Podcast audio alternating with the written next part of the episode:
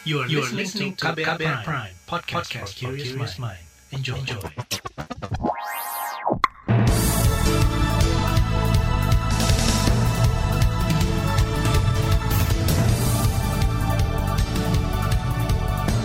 Selamat pagi Indonesia, selamat pagi saudara. Senang sekali kami kembali bisa menjumpai Anda pagi hari ini melalui program Buletin Pagi. Pagi hari ini edisi Kamis 7 Januari 2021, saya Reski Mesanto. Sejumlah informasi pilihan telah kami siapkan untuk Anda. Di antaranya, pemerintah terapkan pembatasan sosial berskala besar di Jawa Bali, Indonesia pesan ratusan juta dosis vaksin dan polisi tangkap puluhan terduga teroris di Makassar. Dan saudara, inilah Buletin Pagi selengkapnya terbaru di Buletin Pagi. Saudara Presiden Joko Widodo memerintahkan seluruh gubernur memperketat kembali penegakan protokol kesehatan di daerahnya masing-masing. Sebab kata dia hasil survei menyebut tingkat disiplin masyarakat menerapkan 3M menurun. Jokowi menginstruksikan upaya tes, telusur, dan tindak lanjut atau 3T terus digencarkan. Dari survei yang kita lakukan, sekarang ini motivasi disiplin terhadap protokol kesehatan masyarakat itu berkurang memakai masker, cuci tangan, jaga jarak, ini berkurang. Oleh sebab itu saya minta kepada para gubernur agar menggencarkan kembali masalah yang berkaitan dengan kedisiplinan protokol kesehatan. Disiplin terhadap protokol kesehatan. Karena tadi surveinya memang disiplin terhadap protokol kesehatan ini menurun. Dan hingga kemarin total kasus positif di Indonesia mencapai lebih dari 78 ribu orang. Dari jumlah itu lebih dari 65 ribu orang sembuh dan 23 ribu orang meninggal. Menurut Presiden, kasus aktif corona meningkat drastis dalam beberapa bulan terakhir, yakni dari 54 ribu pada November menjadi 110 ribu kasus positif pada Desember tahun lalu.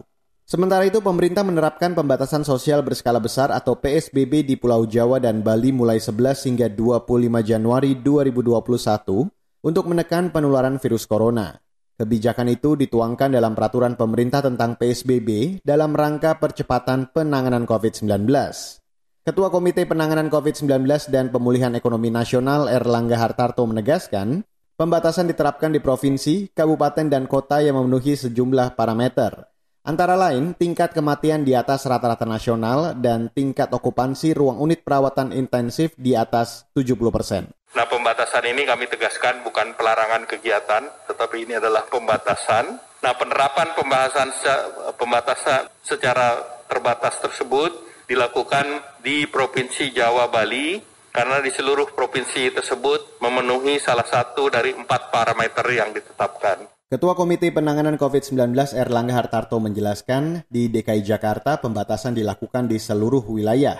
Sedangkan di Jawa Barat dan Banten hanya sebagian wilayah, Demikian pula di Jawa Tengah, Yogyakarta, Jawa Timur, dan Bali.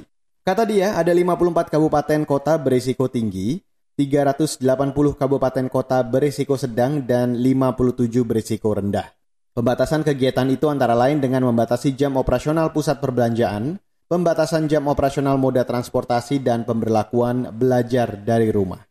Saudara, sejumlah daerah menyambut baik keputusan pemerintah pusat menerapkan pembatasan sosial berskala besar atau PSBB antara lain Provinsi Jawa Timur, Jawa Tengah, dan DKI Jakarta. Saat ini Pemprov Jatim tengah menunggu arahan dari pemerintah pusat terkait penerapan PSBB. Di Jawa Tengah, Pemprov setempat mengklaim telah menerapkan PSBB semisal dengan pembatasan jam malam. Sementara di Jakarta, Wakil Gubernur Riza Patria berharap kebijakan itu disertai dengan koordinasi antar kepala daerah yang semakin baik. Nah, mudah-mudahan setelah hari ini ke depan kami menyambut baik kebijakan dari pemerintah pusat terintegrasi, terkoordinasi, bahkan kami ingin minta periodenya disamakan. 14 hari PSBB-nya kalau bisa disamakan. Sehingga semua kebijakan yang kita ambil bersama tidak hanya seiring seirama, tapi terkendali dan lain sebagainya. Wakil Gubernur Jakarta Ahmad Riza Patria mengatakan, Pentingnya kebijakan yang terpadu agar penanganan pandemi lebih optimal. Menurutnya, selama ini penanganan COVID-19 di ibu kota kurang maksimal karena kebijakan di daerah penyangga tidak seirama. Sementara itu, dukungan juga disampaikan politikus dari Senayan, salah satunya dari anggota Komisi Kesehatan DPR, Kurniasi Mufidayati. Namun kata dia, kebijakan PSBB tersebut harus diikuti dengan peningkatan pengetesan, pelacakan, dan perawatan atau 3T. Kita setuju PSBB diberlakukan, tapi tolong kebijakannya ini kebijakan komprehensif, nggak akan selesai hanya dengan PSBB aja. Satu, misalnya 3T-nya tidak ditingkatkan. 3T ini tetap wajib dilakukan dan harus ditingkatkan. 3T ini harus diperbaiki menurut saya. Karena 3T ini kunci, testing, tracing, dan treatment kan seperti itu. Tracing aja kan lama kan seperti itu. Anggota Komisi Kesehatan DPR, Kurniasi Mufidayati meminta pemerintah serius dan konsisten dalam menerapkan kebijakan penanganan pandemi virus corona. Saudara epidemiolog dari Universitas Indonesia Pandu Riono menyarankan pemerintah menerapkan PSBB di semua daerah di Jawa dan Bali tanpa perlu kriteria. Ini disampaikan Pandu karena tidak semua daerah di Jawa dan Bali diberlakukan PSBB. Selain itu, kata dia, PSBB harus dibarengi dengan pembatasan interaksi dan mobilitas penduduk, sebab penularan virus corona dibawa oleh pergerakan manusia. Jadi baiknya diterapkan semua karena itu kan tergantung juga testing, tergantung macam-macam. Nah ini yang menurut saya uh, persyaratan itu yang menurut saya masih tidak tepat gitu kan. Karena kan apalagi dibandingkan dengan rata-rata nasional gitu kan. Misalnya masih sekarang masih sekitar di bawah rata-rata nasional gitu kan. Minggu depan uh, bisa jadi rata-rata nasional. Sekarang semuanya saja diberlakukan karena kan uh, yang paling penting adalah mencegah peningkatan di mana pun di Pulau Jawa ini gitu. Epidemiolog dari Universitas Indonesia Pandu Riono juga meminta kepala daerah di Jabodetabek segera memperbaiki pola koordinasi dalam menangani pandemi COVID-19. Ia menilai penanganan pandemi di daerah-daerah itu kurang tertata. Padahal penanganan di Jakarta dan sekitarnya seharusnya seirama karena mobilitas warganya terbuka. Namun, aturan pengetatan ini kerap sulit diterapkan karena terbentur kepentingan ekonomi.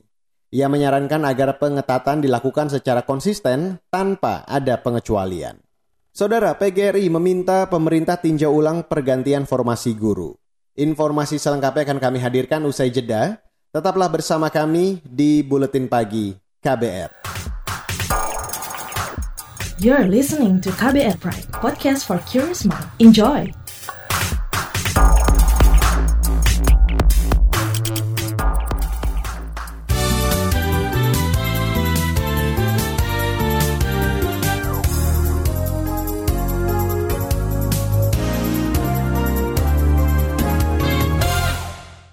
Kita lanjutkan informasi di Buletin Pagi. Kita ke informasi terkait program vaksinasi nasional. Saudara pemerintah mengklaim telah memesan ratusan juta dosis vaksin dari sejumlah negara di dunia. Saat ini vaksin yang terlebih dahulu sampai di Indonesia adalah CoronaVac produksi Sinovac Cina. Presiden Joko Widodo memastikan proses vaksinasi akan dimulai pekan depan, yakni 13 Januari. Vaksin-vaksin itu sudah didistribusikan ke sejumlah daerah di tanah air. Ia memerintahkan gubernur se-Indonesia mengawasi distribusi vaksin di daerahnya masing-masing. Jumlah dosis vaksin yang telah kita pesan, yang firm order dari Sinovac 3 juta plus 122 juta 500 ribu. Kemudian dari Novavax itu 50 juta. Dari COVAX, Gavi itu 54 juta.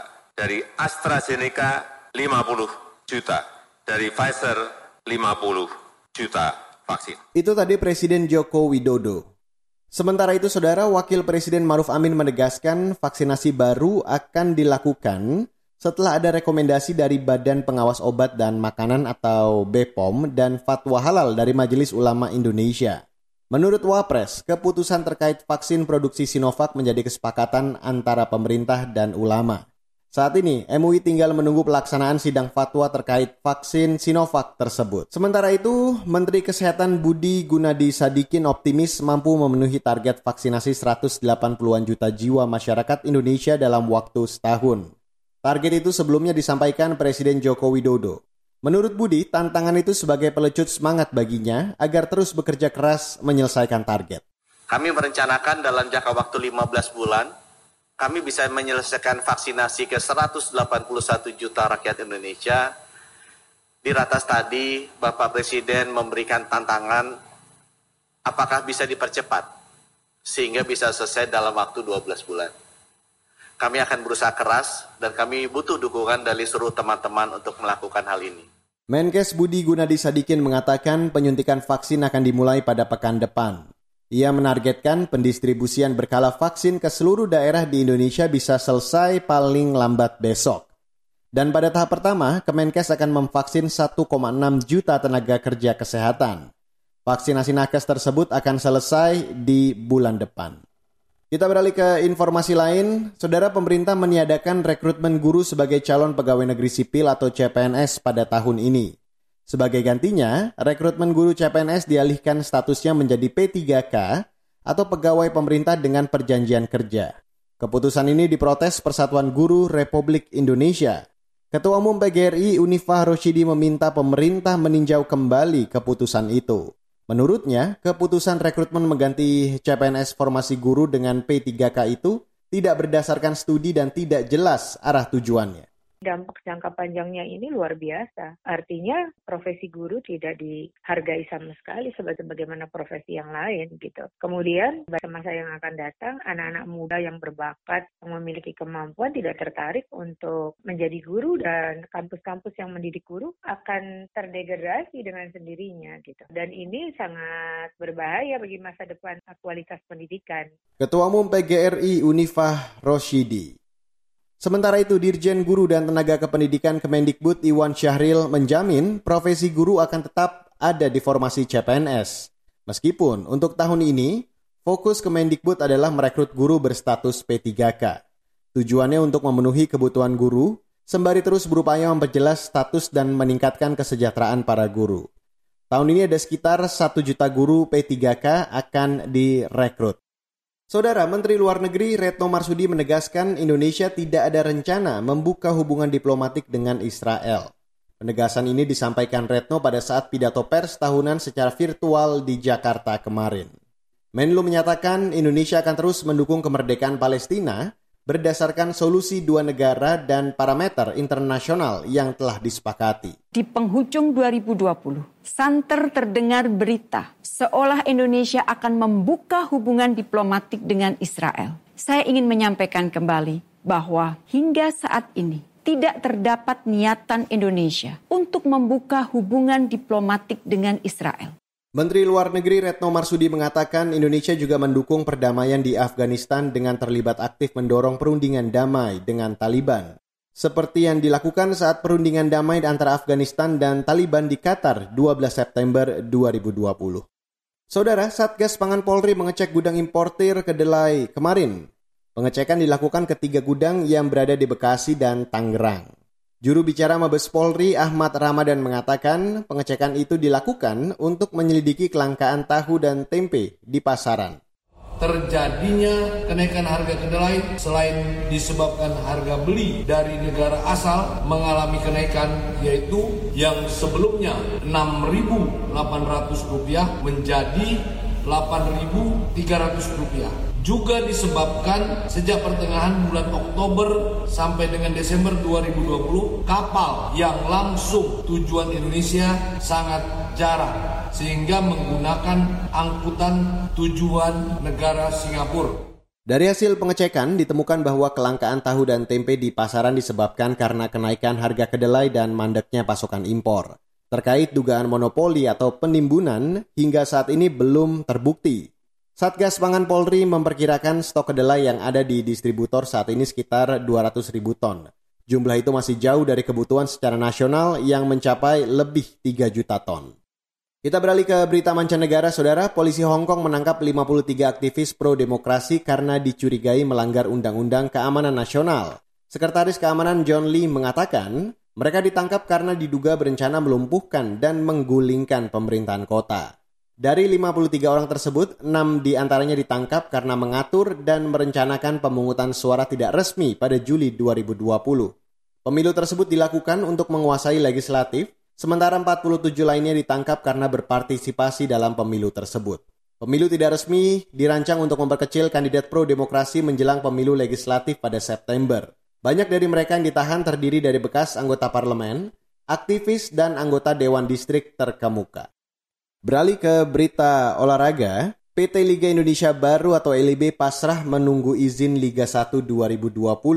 Hal ini menyusul keputusan pemerintah pusat menerapkan pembatasan sosial berskala besar di Jawa dan Bali karena COVID-19. Kebijakan tersebut kemungkinan besar berimbas pada perizinan untuk menggelar kompetisi sepak bola Indonesia yang rencananya akan digulir pada Februari mendatang. Hingga saat ini PT LIB belum mendapat kepastian izin dari kepolisian, bahkan beberapa klub membubarkan tim karena kebanyakan pemain habis kontrak di akhir 20. Perpanjangan kontrak enggan dilakukan karena tak ada kepastian kapan kompetisi berlanjut. Saudara, laporan khas KBR tentang sengkarut bansos COVID-19 akan segera kami hadirkan. Tetaplah di Buletin Pagi KBR. You're listening to KBR Pride, podcast for curious mind. Enjoy!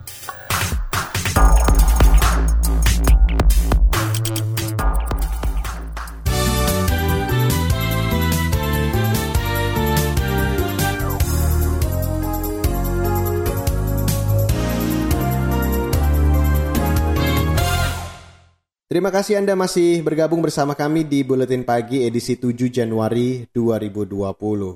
Saudara, seluruh bantuan sosial bagi warga terdampak COVID-19 disalurkan secara tunai mulai Januari. Migrasi ke tunai dipicu kasus korupsi bansos paket sembako yang menjerat Menteri Sosial Julia Ribatubara. Namun potensi penyelewengan tak serta-merta hilang. Apalagi problem klasik soal keruwetan data masih jadi PR besar. Simak laporan tim KBR yang akan disampaikan Valda Kustarini. Ilham, buru-buru mengecek data terpadu kesejahteraan sosial DTKS Kementerian Sosial. Ia mendengar bantuan sosial tunai bagi warga terdampak COVID-19 akan disalurkan bulan ini. Namun, ia kecewa namanya tak tercantum sebagai penerima bansos tunai sebesar Rp300.000 per bulan selama 4 bulan. Padahal, Ilham adalah penyandang disabilitas netra yang kehilangan penghasilan selama pandemi. Tadi sih saya udah konfirmasi ke pihak biasanya langsung ya, nggak lewat RT RW-nya, tapi belum ada jawaban sih. Kalau di pihak desa itu kan ada petugas pendamping buat disabilitas.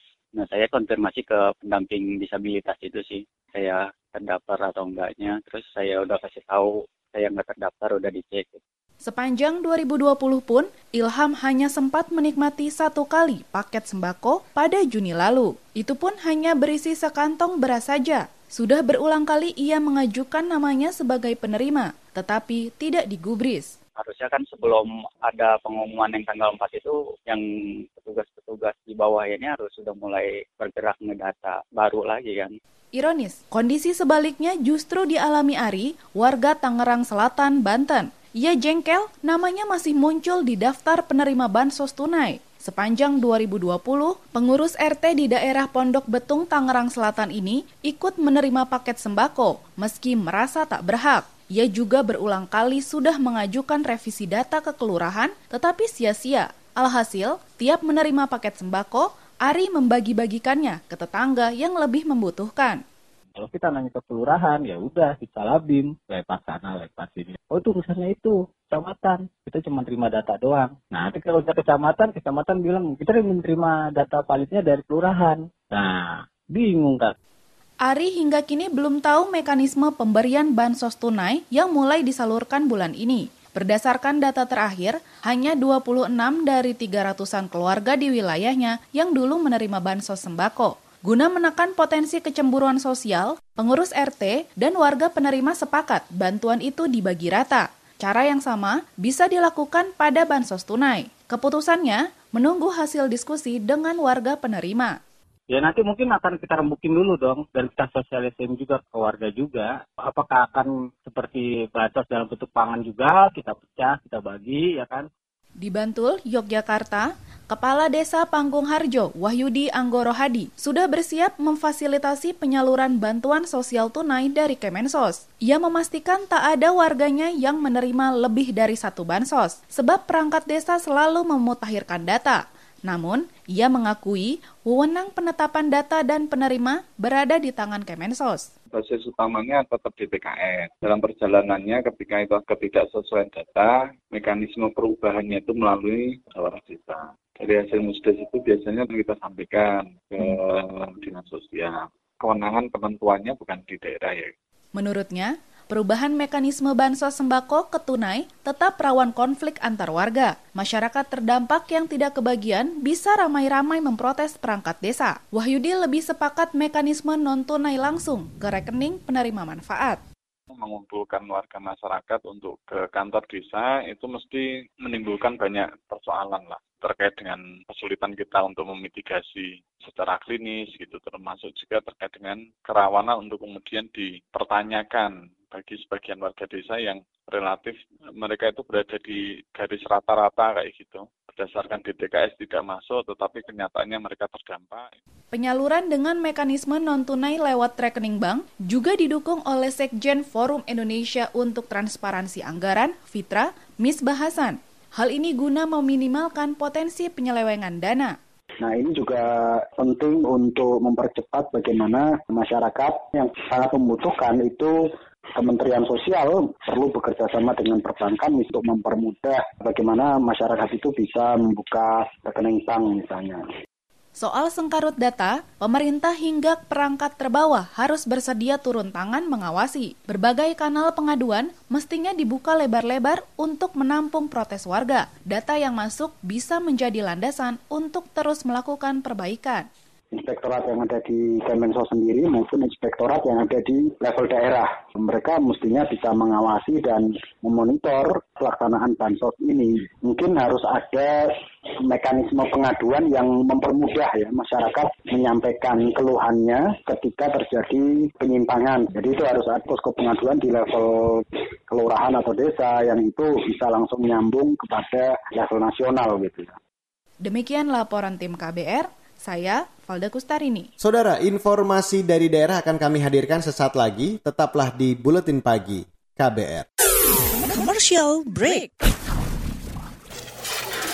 Ita Biliana, psikolog dari Lembaga Psikologi Terapan UI, memberi pesan kepada teman-teman Broken Home untuk meraih masa depan yang terbaik terlepas bagaimana kondisi rumahmu, bukan kondisi orang tuamu, itu ya kamu adalah individu sendiri yang punya hak dan punya kemampuan untuk menentukan nanti ke depannya mau gimana gitu. Jadi apa yang terjadi di belakang kamu tuh it doesn't define who you are atau yes. who will you be gitu aja, who you will be. Simak obrolan selengkapnya dalam podcast Disco Diskusi Psikologi dalam episode Masa Depan Anak Broken Home di kbrprime.id dan platform mendengar podcast lainnya.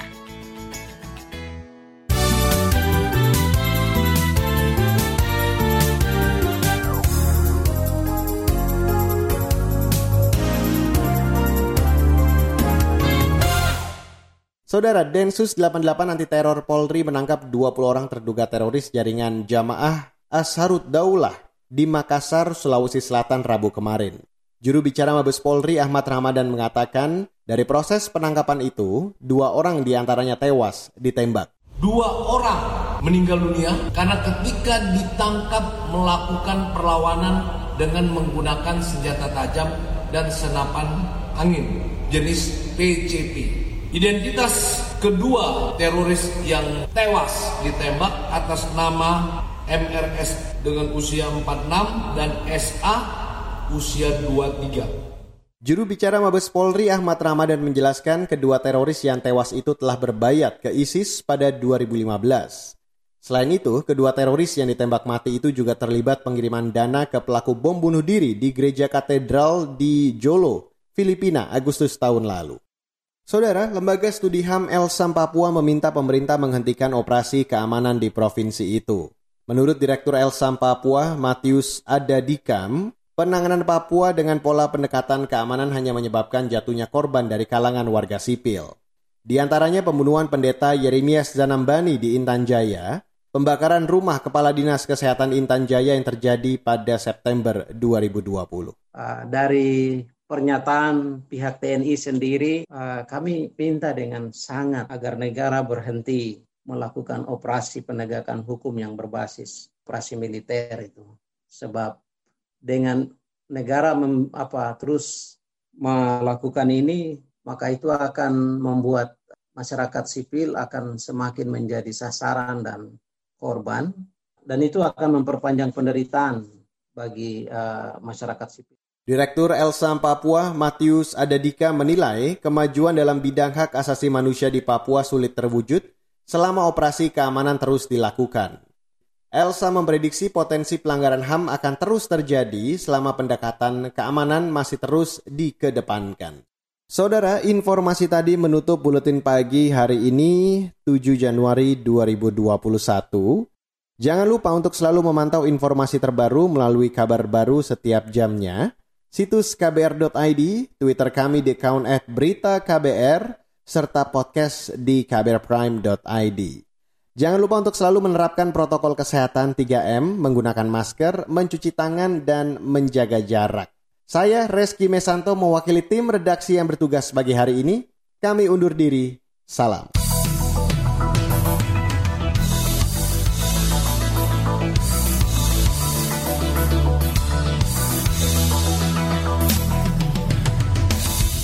KBR Prime, cara asik mendengar berita. KBR Prime, podcast for curious mind.